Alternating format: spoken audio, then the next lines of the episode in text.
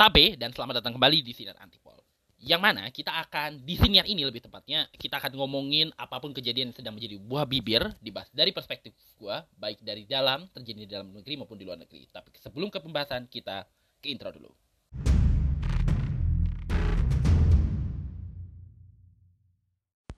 Kali ini kita akan ngomongin mengenai Pilpres 2024 yang mana sudah memasuki sudah memasuki babak barunya uh, hari. Sebenarnya udah gue rekam ini uh, proses pendaftaran udah selesai ya udah udah settle. Uh, dibuka 7 hari 19 sampai 25 Oktober. Uh, sudah ada tiga pasang yang mendaftarkan diri. Uh, di hari pertama yang mendaftarkan ada Anies Baswedan uh, Muhammad Iskandar yang sudah deklarasi duluan tanggal 2 pada September. Uh, terusnya ada pasangan yang sudah uh, belum deklarasi sih saat itu, tapi sudah menyiapkan sudah ada tim nasional, uh, tim ya, tim nasional namanya tim pemenangan nasional uh, yang mengetuai kebetulan Pak Arsyad Rashid, uh, ketua Kadin sudah nyiapin programnya, tapi cawapresnya ya ini sebenarnya kebiasaannya PDIP sih di mana Bu Mega tuh terkenal suka ngumuminnya tuh mendekati hari-hari penting ngumumin siapa yang akan jadi pendamping cawapres atau capres gitu ya dari calon mereka itu biasanya di ujung-ujung. Dan akhirnya diumumkan itu ketua Mahkamah Konstitusi Mahfud eh, mantan ketua Mahkamah Konstitusi yang juga eh, Menko Polhukam Pak Mahfud MD yang dipilih mendampingi Mas Ganjar. Dan keesokan harinya langsung mendaftar eh, siangnya dan nah ini yang menarik itu pasangan yang ketiga. Eh, walaupun akhirnya harus menunggu eh, ketuk dari gedung Mahkamah Konstitusi ya saya lagi disorot karena keputusan mereka yang uh, kontroversi. Ada unsur-unsur konflik of interest di situ tapi akhirnya jadi juga lah pada akhirnya. Itu pasangan Prabowo Subianto uh, yang awalnya mau dicalonkan dengan beberapa uh, gue sempat dengar beberapa nama kayak uh, mau dicalonkan antara Erick Thohir dengan uh, sempat ada keinginan untuk mencalonkan Kofifa terutama setelah uh, deklarasi Ani Amin ya atau Anies Mohaimin. Akhirnya pilihannya jatuh ke pilihan yang sebenarnya udah disepakati konon kabarnya. Ini gue baca-baca juga. Udah disepakati dari awal yaitu Gibran Raka Buming Raka yang belum tiga tahun jadi wali kota. Belum tiga tahun jadi wali kota Surakarta. Uh, dia adalah salah satu anak uh, putra bungsu Presiden Jokowi yang kemunculan awal kemunculannya dia kan kalau diinget balik ya Gibran itu kan kemunculannya agak awal kemunculannya itu agak negatif gitu kan. Dia uh, waktu per, Pak Jokowi mau pelantikan kan dia konferensi pers gitu kan uh, ngenalin anak-anaknya. Terus ada satu wartawan nyeletuk terus Gibran kayak kayak apaan sih? gitu kayak sensi gitu terus coba ditenangin lah sama bapaknya itu. Gue inget banget itu. Terus kemudian nggak uh, lama kemudian dia muncul di mata Najwa. Uh, dan ditanyakan soal itu. Dan dia bilang ya sebenarnya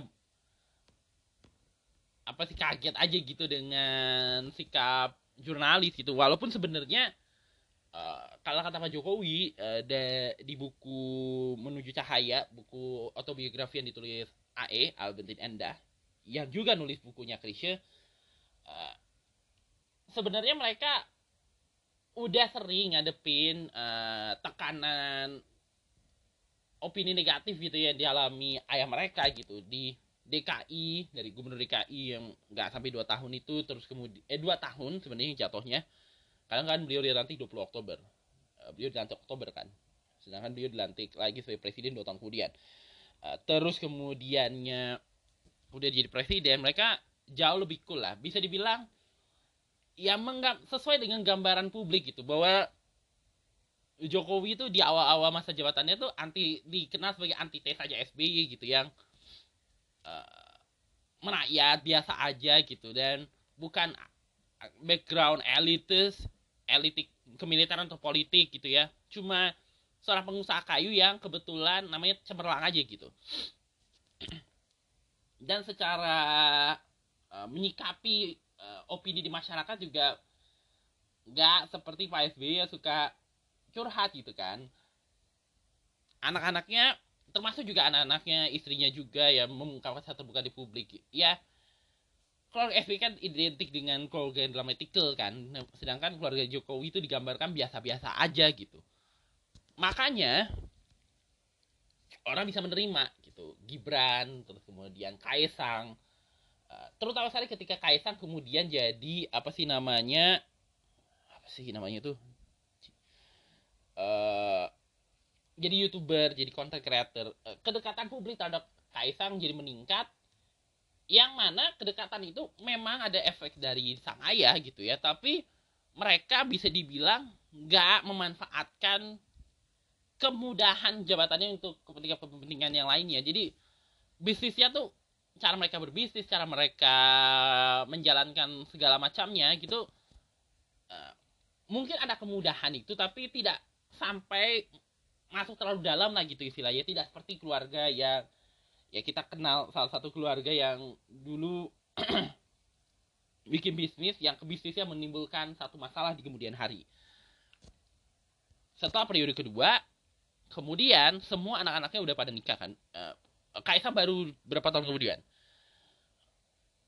rupanya dari sisi Gibran dari sisi keluarganya Kahiyang lebih tepatnya suaminya Bobi Nasution ini ada keinginan untuk berkontribusi kepada negara pada akhirnya seperti ayahnya dan akhirnya uh, terlepas dari apakah itu ada intervensi dari ayahnya uh, kemudian mereka akhirnya majulah uh, mendapatkan privilege untuk maju di pilkada 2020 yang merupakan pilkada pertama yang diadakan eh, salah satu pilkada pemilihan yang diadakan di tengah-tengah situasi darurat. Karena Singapura juga jatuhnya pemilihan darurat juga karena si pandemi Malaysia juga sempat walaupun akhirnya uh, dilaksanakan darurat kan karena keadaannya masih malah meningkatkan jumlah kasus COVID saat itu di negara itu. Uh, termasuk di Amerika Serikat juga. Nah, akhirnya mereka maju dengan privilege mereka diberikan bahkan kayaknya diprioritasin deh sama PDIP mungkin karena kedekatan Pak Jokowi dengan Bu Mega juga uh, akhirnya mereka melalui proses uh, kampanye dan menang dan menjadi pemimpin.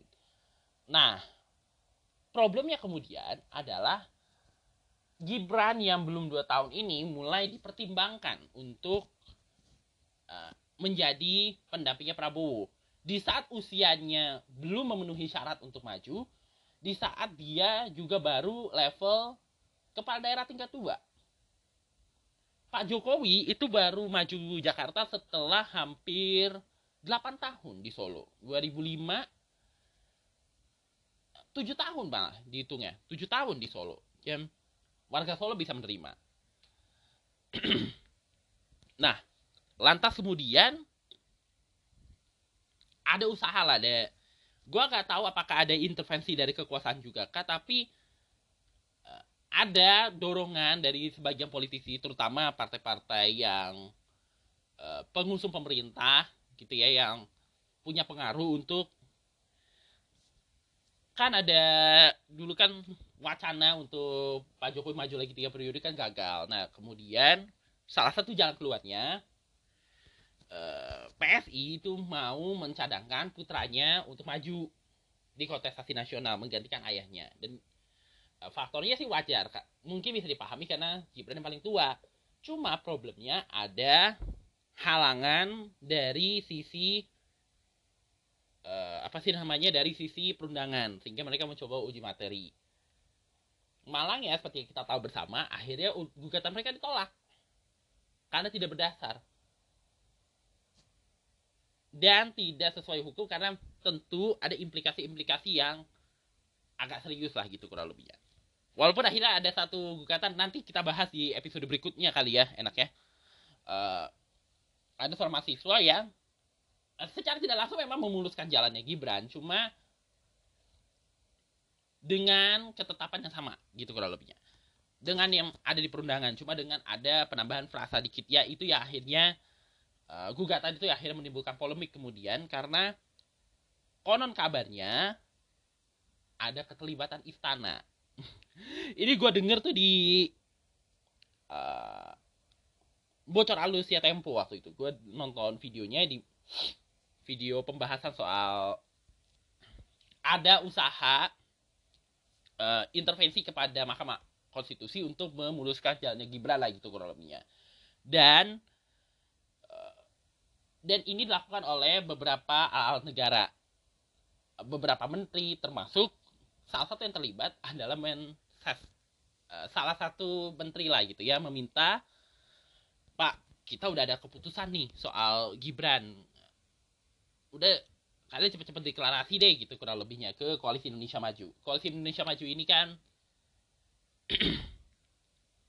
eh, partai-partai pemerintah yang kemudian uh, sevisi gitu ya mencalonkan Prabowo Subianto dan mereka sebenarnya sudah di klausul di mana uh, atau udah bertemu situasi di mana mereka agak kesusahan nih menentukan calon presiden karena kita tahu PAN mengajukan uh, sebetulnya kan deklarasi itu kan dulu Kim itu kan terdiri dari empat partai ya. Uh, ada PKB Gerindra yang memang udah bersama-sama plus PAN dan Golkar yang saat itu uh, memutuskan untuk meleburkan kapal mereka yang koalisi Indonesia bersatu yang agak goyang setelah P3 ke koalisinya Ganjar mereka bikin aliansi nasional lah gitu. Untuk mewujudkan apa yang disebut Pak Jokowi sebagai koalisi besar. Tapi kemudian karena uh,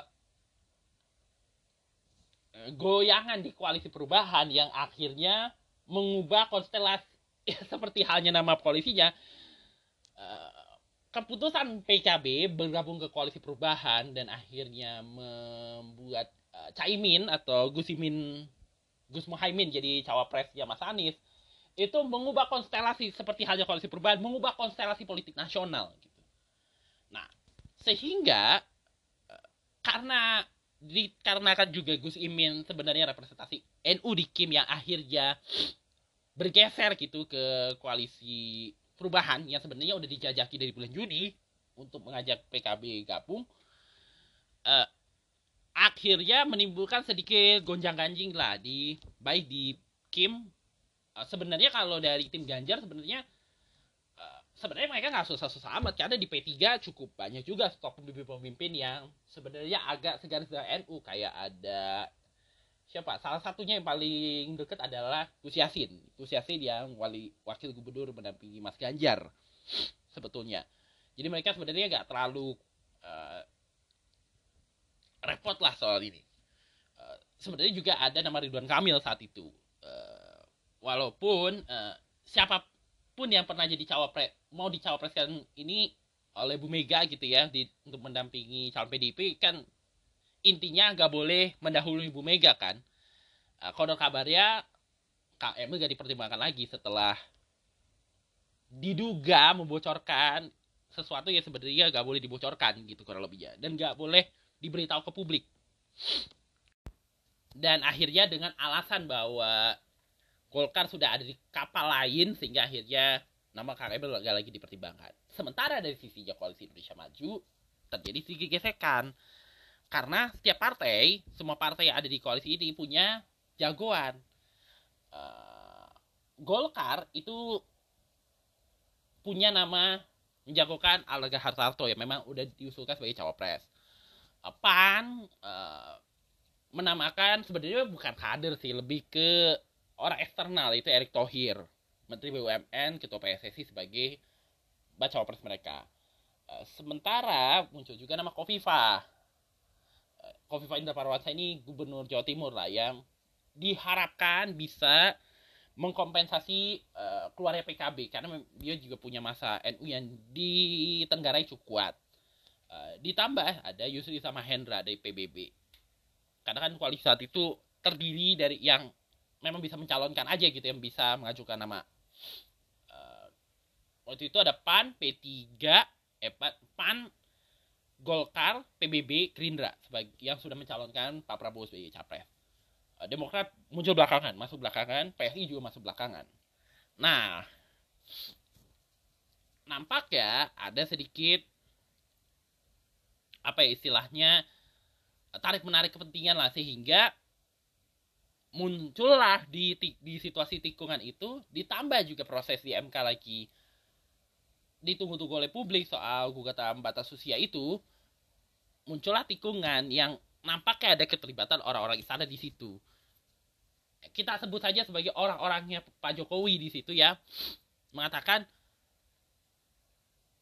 apa ya menawarkan supaya Gibran ini Mas Gibran yang anaknya Pak Jokowi ini diusulkan sebagai bacawa pres Prabowo untuk menjembatani uh, gesekan apa sih namanya perbedaan yang berpotensi uh, bisa membuyarkan koalisi juga gitu. Kayak situasinya ya mirip-mirip dikit situasi ya tim 8 juga sebetulnya waktu uh, mencari cawapres itu Mas Anies gitu kan. Daripada situasinya makin runyam karena sama-sama uh, tetap pada keyakinan uh, dan mengupayakan dengan sekeras tenaga supaya calonnya diterima, konon kabarnya nama Gibran ditawarkan. Sebenarnya udah dari dari dari waktu uh, koalisi Kim ini dideklarasikan di eh, Museum Perumusan Naskah Proklamasi, nama itu udah ada untuk disandingkan dengan Pak Prabowo. Menarik ya. Uh, terus akhirnya setelah putusan itu keluar akhirnya Golkar yang akhirnya me, berinisiatif lah gitu kurang lebihnya mendeklarasikan nama uh, Gibran akhirnya me, istilahnya ada dua keputusan saat itu yaitu uh, tentu mereka me, menurunkan ego mereka yang ingin Pak Erlangga dan mengambil keputusan mengajukan nama Gibran sebagai cawapres untuk mendampingi Pak Prabowo gitu kurang lebihnya. Uh, dan akhirnya Pak Prabowo menerima Rapimnas uh, Golkar sudah berlangsung ya. Dan, nah ada satu hal menarik di balik uh, keputusan Rapimnas yang mengusulkan Gibran dan akhirnya memasangkan Gibran dengan Pak Prabowo yaitu jadi intinya uh, kan lagi pidato nih Pak Pak Erlangga Hartarto yang mengumumkan dia mengumumkan Gibran sebagai bacawa pres ya Pak Prabowo. Terus beliau ada argumentasi. Nah, argumentasi ini yang kemudian menimbulkan sedikit bukan sedikit ya, memang menimbulkan kerancuan pada akhirnya karena uh, ada figur yang ya kita akui tokoh muda uh, tokoh yang punya peran besar Eh, terhadap sejarah kemerdekaan kita gitu ya disandingkan dengan seseorang uh, apa sih namanya yang sebenarnya di politik tuh masih dibilang newbie lah gitu ya. Dan uh, di jabatan publik itu juga belum lama gitu. Orang gak bisa terima terutama para pecinta sejarah. Ditambah lagi kenyataan bahwa publik itu kan mudah dibuat uh, yakin dibuat percaya dengan politisi itu kan punya kemampuan untuk membuat publik percaya dan apa sih istilahnya asas populisme kan membuat publik percaya bahwa kita bisa jadi kita lah yang bisa menyelesaikan masalah itu. Dan semua tahu lah soal bagaimana asas pemenangan gitu kan. Uh, nah muncul kedugaan bahwa ada upaya untuk memasangkan orang apa sih namanya kelihatannya pencalonan Gibran ini coba dijelaskan dengan cara yang sebenarnya mudah dipahami dan juga menggunakan dasar sejarah tapi sebenarnya dasar sejarahnya itu tidak tepat gitu kurang lebihnya. Bahwa ia ada tokoh muda yang pernah terlibat dalam politik nasional tapi pengalaman sebelum itu jauh lebih panjang daripada yang dialami oleh orang yang disamakan dengan si tokoh tersebut. Jadi si Arlangga Hartarto itu menyebut bahwa kita mengistilahkan ada Syahrir di dalam Gibran. Ini yang gue jadi ini kemudian jadi tajuk. Bahwa mereka sama-sama 36 tahun, sama-sama jadi politisi. Cuma masalahnya kemudian orang nggak bisa terima analogi itu, logika yang dibangun oleh teman-teman politisi Golkar ini. Eh, teman-teman Golkar ini lebih tepatnya. Eh, apalagi yang ngomong ini langsung pimpinan utama Golkar, ketua umum partai Golkar kan akhirnya orang jadi curiga seakan-akan uh, ingin apa ya menggunakan sejarah untuk menutupi maksud bahwa mereka mencoba apa ya istilahnya mereka mau berniat menjelaskan apa ya alasan mereka mencalonkan Gibran tapi menggunakan logika yang keliru itu kurang lebihnya. Dan akhirnya eh, gue cari tweet ya mengenai ini. Sebentar ya. Nah ketika uh, teman-teman Golkar ini mencoba untuk uh, apa ya istilahnya caranya Golkar menyamakan Gibran dengan uh, Syarif ini ini gue lagi sambil nyari tweetnya ya itu mengingatkan gue waktu Sandiaga Uno atau orangnya Sandiaga Uno tuh menyamakan Sandiaga Uno dengan Hatta. Terus waktu itu ada yang counter itu uh, cucunya si Gustika Yusuf Hatta yang sampai Gusika diserang kan. Uh, waktu itu diserang karena mencoba menjelaskan kalau sebetulnya yang dilakukan oleh mereka tuh salah. Uh, dilakukan itu agak keliru lah gitu kurang lebih. Dan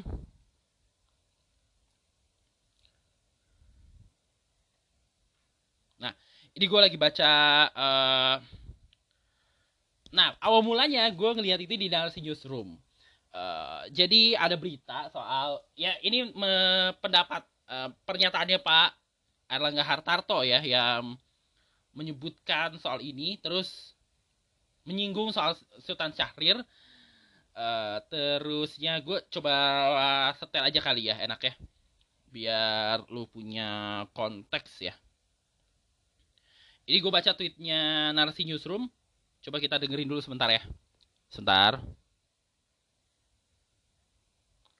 Gak bisa play sih anjir. Cap, cap. Kenapa ya. Partai Golkar berpikir anak muda, Pak?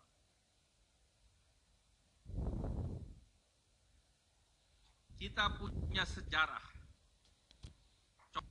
Contohnya, Sultan Sahrir menjadi Perdana Menteri pertama sejak Indonesia diproklamirkan oleh Soekarno-Hatta. Umur Sultan Sahrir 36 tahun. Dan Sultan Sahrir adalah kepala eksekutif ataupun kepala pemerintahan. Jadi kalau Sultan Sahrir bisa, maka saya yakin under 40 tahun, anak muda kita juga siap mendampingi Bapak Prabowo Subianto. Nah, terus mereka uh, nah teman-teman narasi ini nge-counter lah gitu kurang lebihnya dengan uh, sebenarnya gue ada nge-like juga tweetnya mereka. Eh postingan mereka di Instagram.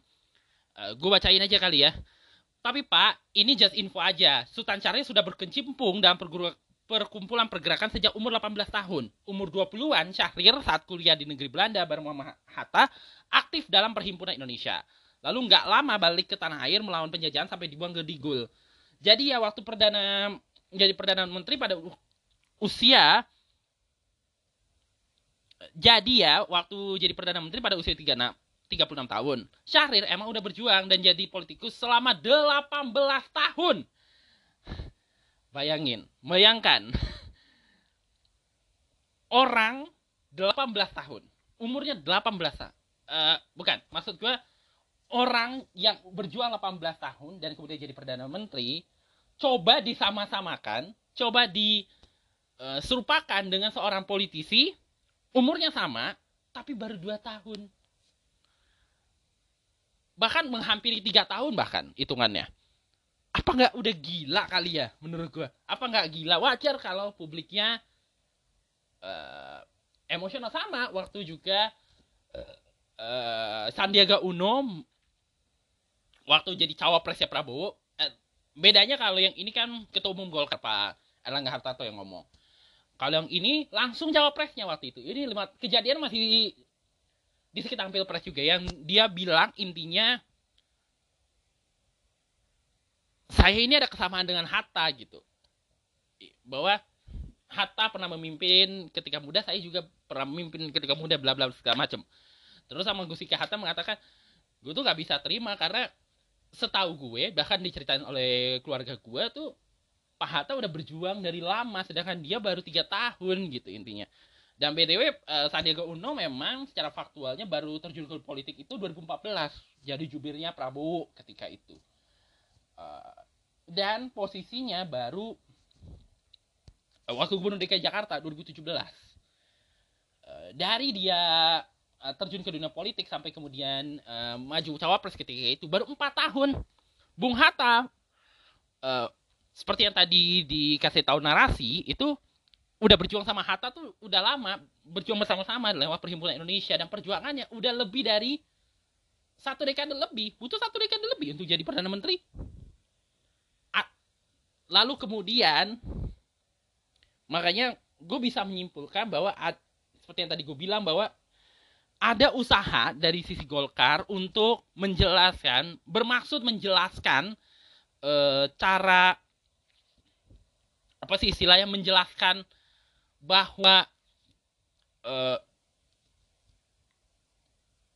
al, mereka mencoba menjelaskan alasan mereka menja, mengus, apa mendorong Gibran gitu ya dengan menggunakan analogi Sultan Sahri tapi argumentasinya tuh udah patah dulu sebelum dimainkan.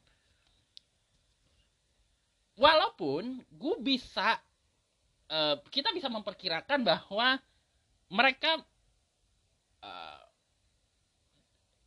nampaknya Golkar ini mau memainkan politik propaganda dalam arti kata lain mencoba memainkan politik propaganda gitu karena mereka tahu pengetahuan masyarakat kita terhadap sejarah nggak terlalu baik-baik amat gitu jadi mereka tahu Syahrir, mereka tahu Soekarno, mereka tahu Hatta sebagai pendiri bangsa, tapi mereka nggak mempelajari secara secara ininya gitu. Mungkin karena udah sering di giniin gitu ya apa dikasih pengetahuan sejarah yang uh, gak cukup. Gitu.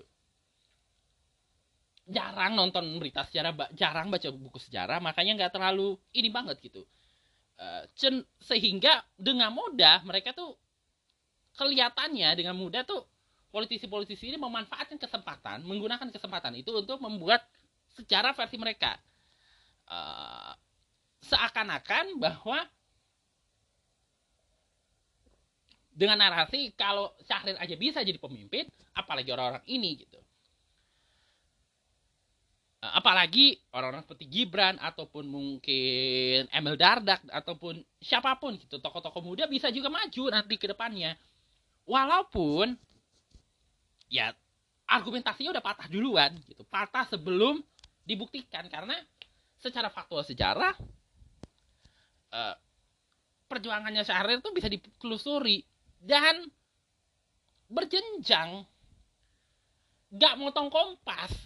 Benar-benar berjenjang gitu. Dari pergerakan mahasiswa terus kemudian perjuangan politik terus menghadapi penjegalan oleh pihak Belanda terus kemudian akhirnya terlibat dalam usaha uh, mendorong kemerdekaan akhirnya terlibat dalam proses uh, di BPUPKI PPKI untuk membawa kemerdekaan Indonesia dan ketika situasi membuat Bung Karno mau tidak mau harus menerima apa sih konsep demokrasi yang ditawarkan maklumatnya Hatta bahwa perlunya adanya partai politik uh, Syahrir akhirnya menjadi perdana menteri di tahun 1946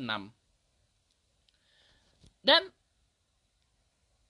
uh, praktik memotong kompas demi kekuasaan ini sejatinya kita sebenarnya nggak mempermasalahkan kalau misalnya ada sebetulnya ya eh, menurut gua kita sebenarnya nggak masalah kalau misalnya kalau ada ibu eh, istrinya kalau ada satu politisi atau satu tokoh nasional atau tokoh gak kira itu kepala daerah atau kepala negara atau itu menteri yang istrinya atau anaknya ingin maju gitu atau ingin terlib ingin terjun juga seperti suaminya mengikuti jejak langkahnya dunia politik sebenarnya nggak masalah-masalah nggak nggak bermasalah eh, nggak masalah gitu istilahnya nggak no problem gitu. Banyak contoh nyatanya kayak keluarga Gandhi dan keluarga Nehru di India.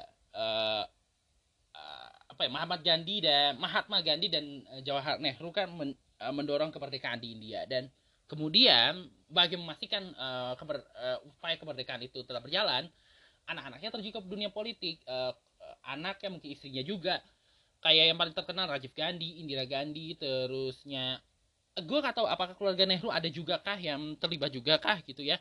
Uh, terus kemudiannya di Singapura salah satu juga contoh paling menarik. Uh, Lee Silong uh, putranya daripada uh, Lee Kuan Yew ya pendiri Singapura dan perdana menteri uh, yang visioner Singapura. Walaupun dia anak perdana menteri tapi dia melalui proses yang benar gitu. Dari bawah bahkan uh, dari anggota DPR sampai kemudian uh, mungkin juga sempat menjabat menteri di eranya Gocok Tong waktu kemudian dari Lee Kuan ke Gocok Tong juga memegang jabatan menteri sampai kemudian jadi perdana menteri di kemudian hari. Sorry, gue agak sendawa. Nah, uh, di Malaysia yang gue juga uh, setahu gue di Amerika juga ada keluarga Kennedy salah satunya. Terusnya di Jepang mungkin juga ada yang seperti itu. Gue gak tahu kalau di Inggris, tapi di Malaysia yang gue sering pelajari ya uh, politiknya juga terjadi hal yang sama.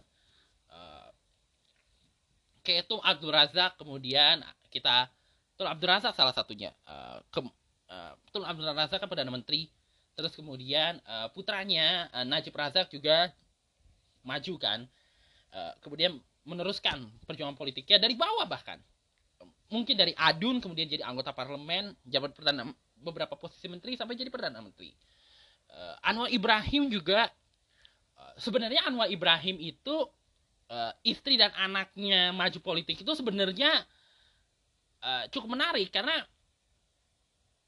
walaupun kelihatannya kayak anak dan istrinya terlibat juga mengikuti jejak suaminya tapi sebenarnya ini lebih ke situasional karena Anwar ketika itu lagi difitnah uh, secara politik yang membuat dia masuk penjara gitu ya mengalami penyiksaan uh, lebih karena keadaan gitu. Mereka ma masuk ke politik ini karena keadaan sebenarnya. Si apa Wan Aziza terus putrinya Nurul Izzah itu juga karena keadaan sebetulnya jatuhnya. Uh, uh, Ismail Sabri juga anaknya kemudian masuk AMNO juga kan. Uh, uh, Pak Lomail masuk gua terusnya ini Aziz pemimpin di Kelantan juga anak-anaknya terlibat di politik. Bahkan salah satunya sekarang jadi anggota Dewan Negara.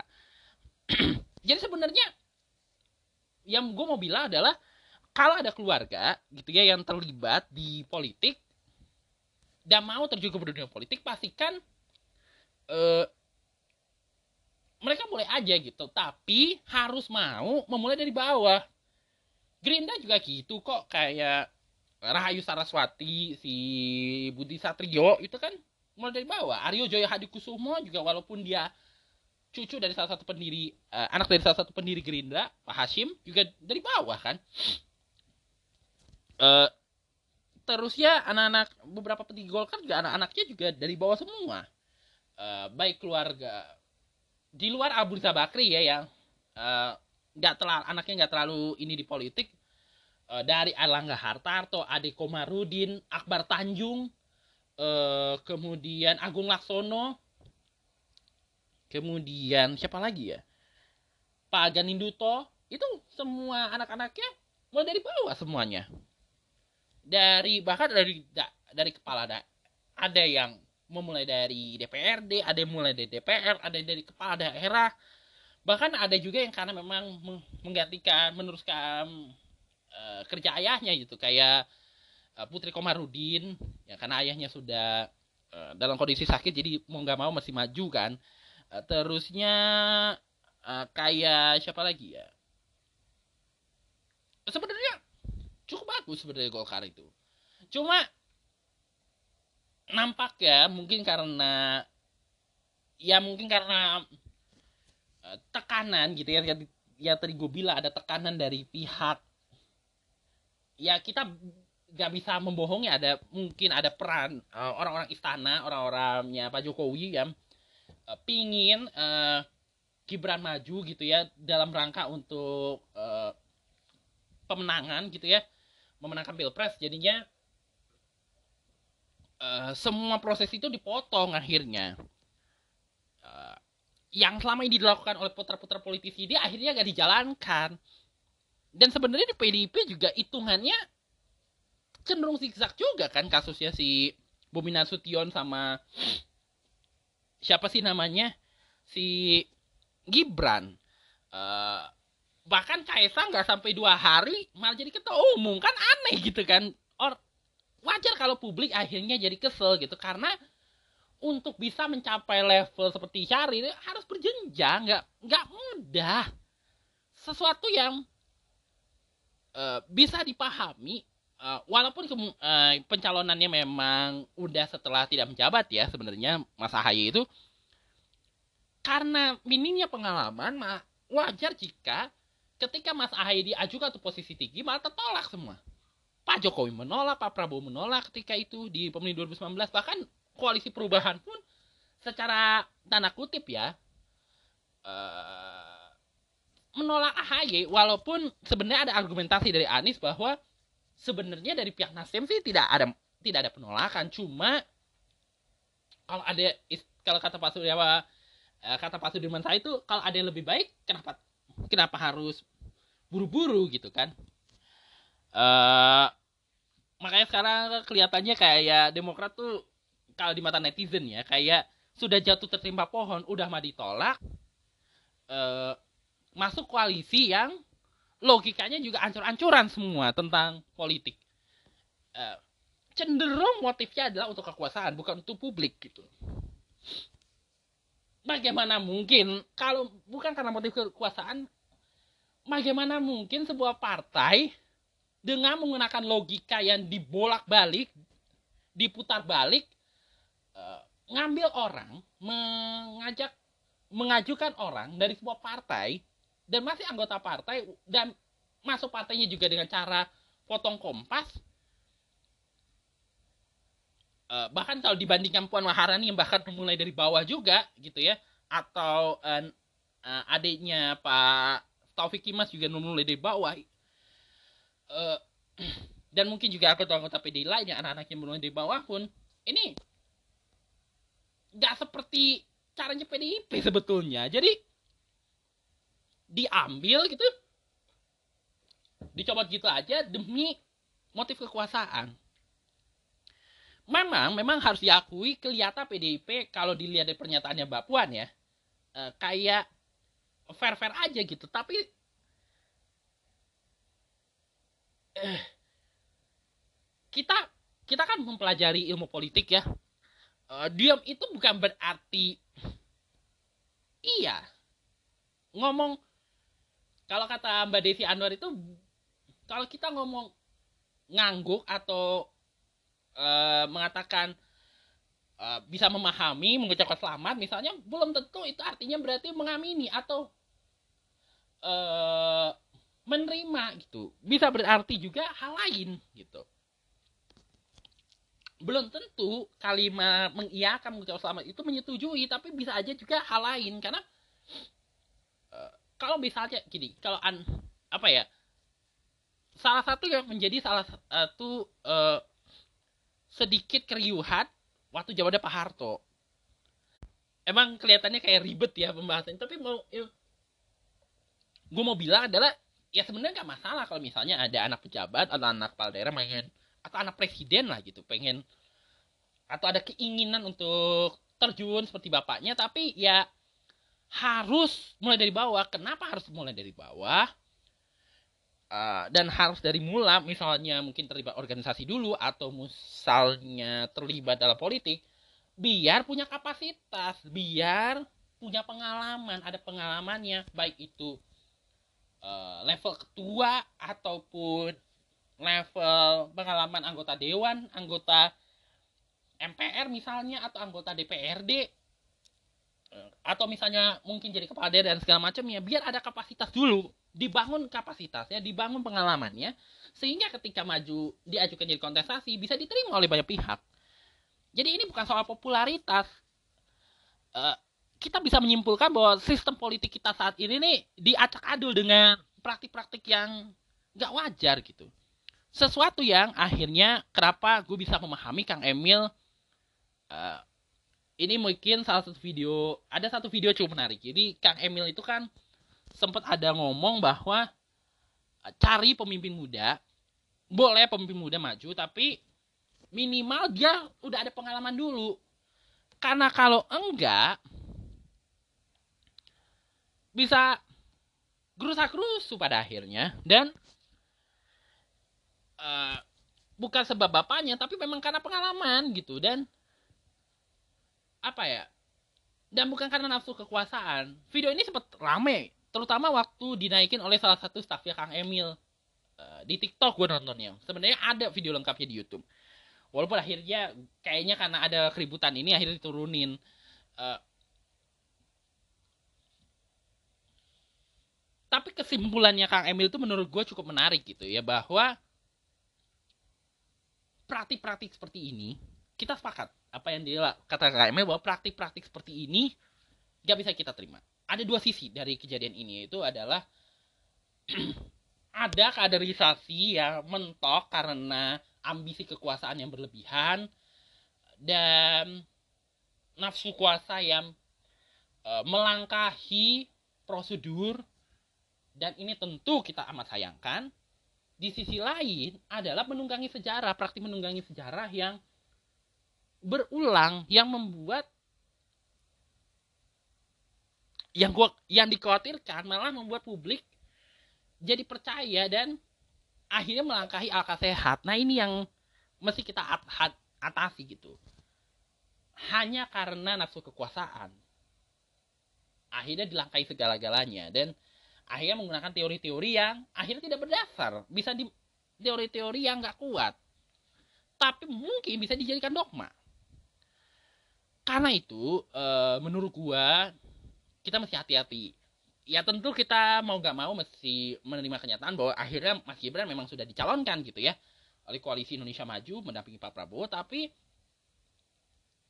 menurut gua ini harus jadi perhatian kemudian ya oleh publik Eh, sekarang kita punya tiga calon.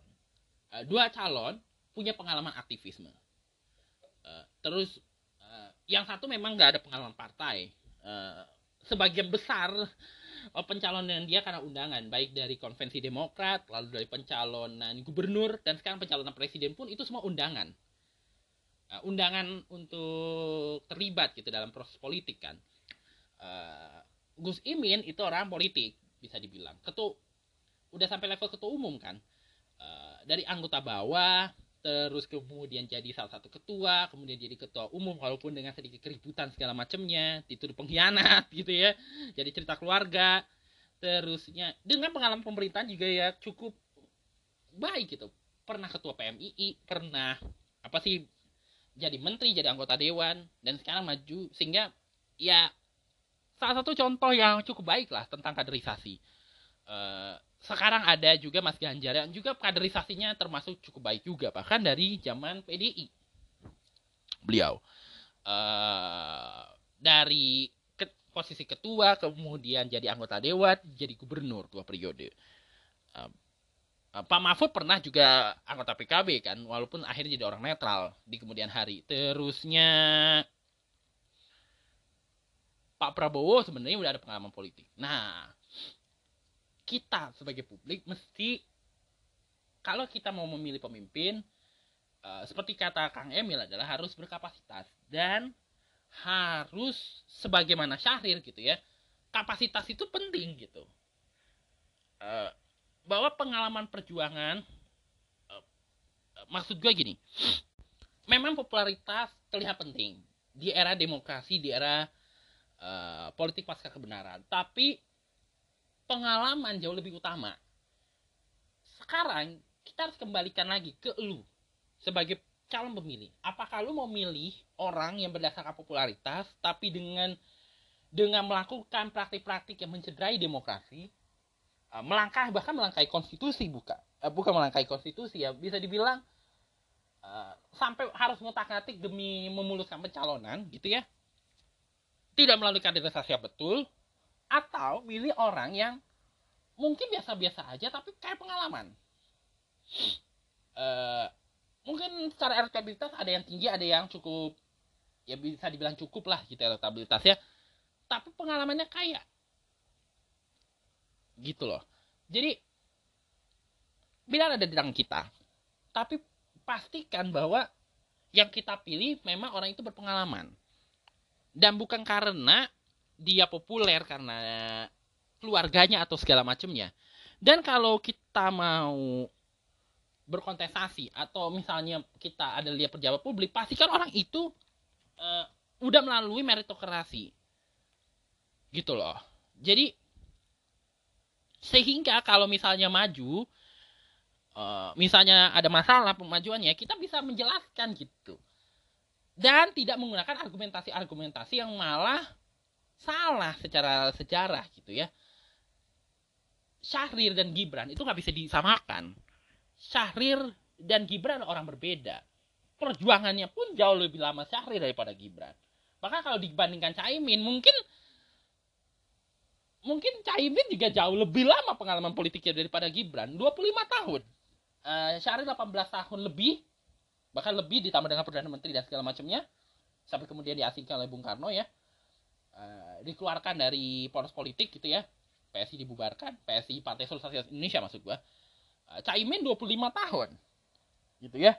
Maju di politik. Bahkan Mas Ganjar juga hitungannya 25 tahun. Jadi lebih milih mana? Yang udah punya pengalaman panjang politik atau yang pengalamannya masih pendek tapi punya modal popularitas. Pilihan ada di tangan lo. Jadi kesimpulan senior kali ini adalah kita nggak bisa menyamakan orang yang pengalamannya panjang dengan orang yang pengalamannya pendek. Apalagi menunggangi sejarah dalam menjelaskan kontestasi. Kedua, bijak memilih bijak dalam memilih bukan memilih karena popularitas tapi memang karena kapasitas itu aja sih pembahasan kita untuk kali ini uh, mungkin kelihatan belibet mungkin kelihatan rumit ya tapi semoga ada manfaatnya kalau misalnya ada yang kurang uh, mau dipahami karena ini gue bahas dari perspektif gue ya dan kita bertemu lagi di pembahasan-pembahasan lainnya dari perspektif gue tentunya dari Eh, yang lebih menarik tentunya di siniar Antipol New Era. Sampai bertemu kembali.